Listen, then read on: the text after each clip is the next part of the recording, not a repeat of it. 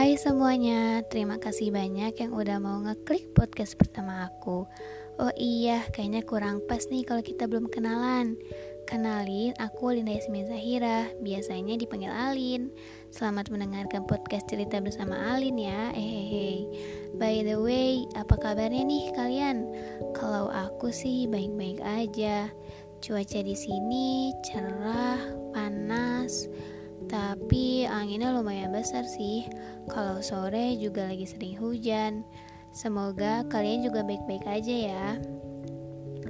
Di situasi seperti ini, kita harus banyak minum air putih, minum vitamin, makan buah, makan sayur. Juga jangan lupa selalu pakai masker kalau keluar rumah ya. Terus cuci tangannya juga kalau habis dari luar rumah. Bosan gak sih ngerjain rutinitas di rumah aja? Kayak ngerjain tugas di rumah aja, kuliah online gak pergi ke kampus, gak bisa ketemu sama teman-teman, gak bisa ngobrol, bercanda bareng teman-teman, gak bisa nongkrong sana-sini bareng teman-teman. Huf, kangen banget pasti ya. Tapi untuk saat ini lebih baik kita di rumah aja dulu ya kita ngerjain aktivitas di dalam rumah demi keselamatan dan kesehatan kita semua. Virusnya berbahaya banget soalnya. Hmm, di podcast kali ini aku pengen ngebahas tentang kebohongan dan kejujuran. Sebelumnya aku mau nanya dulu nih ke kalian. Kalian mendingan dibohongin tapi manis tapi palsu atau jujur tapi nyakitin? Hmm, kalau aku pribadi sih mending jujur tapi nyakitin ya kalau dibohongin tuh hmm, rasanya marahnya double-double deh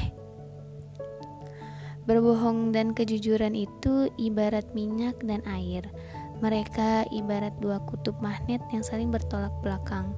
Kalau orang udah sering bohong itu, bakal bohong terus-terusan. Kayak kalau udah bohong sekali tuh pasti bakal bohong terus demi nutupin kebohongan-kebohongan yang lainnya. Sebaliknya, kalau kejujuran itu sifat ini menginginkan keterbukaan dalam ucapan dan perilaku. Kejujuran juga gak suka memutarbalikkan fakta. Kejujuran itu lambang moral seseorang sehingga kepercayaan sebetulnya pantas diberikan kepadanya.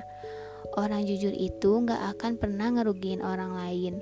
Orang jujur itu pasti ngejaga amanah atau kepercayaan dan orang yang amanah pasti memiliki rasa tanggung jawab yang tinggi. Pokoknya kalau orang jujur itu baik-baik aja deh, kayak ya baik-baik aja gitu ngejalanin hidupnya, kayak gak perlu pura-pura atau pokoknya ngejalanin hidupnya lega gitu deh gak perlu ada rasa takut atau gimana. Kalau kita bohong itu bisa ngakibatin rasa sakit hati yang berlipat ganda. Terus bukan memperbaiki keadaan tapi malah semakin memperkeruh keadaan.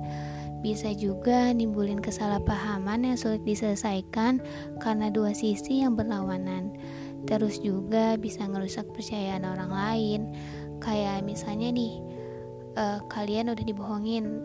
Pasti kan kalian kayak mikir aduh uh, aku udah pernah dibohongin dia nih gitu kan.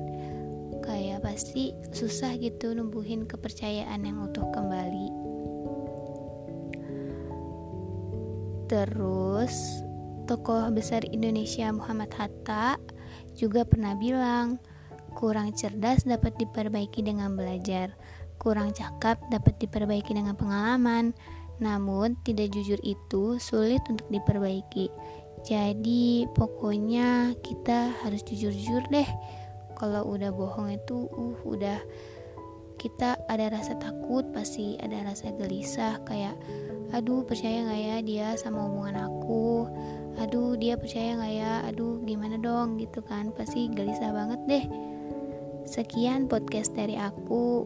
Kurang lebihnya mohon maaf karena ini podcast pertama aku juga. Hei, mohon maaf kalau ngomongnya rada belibet gitu.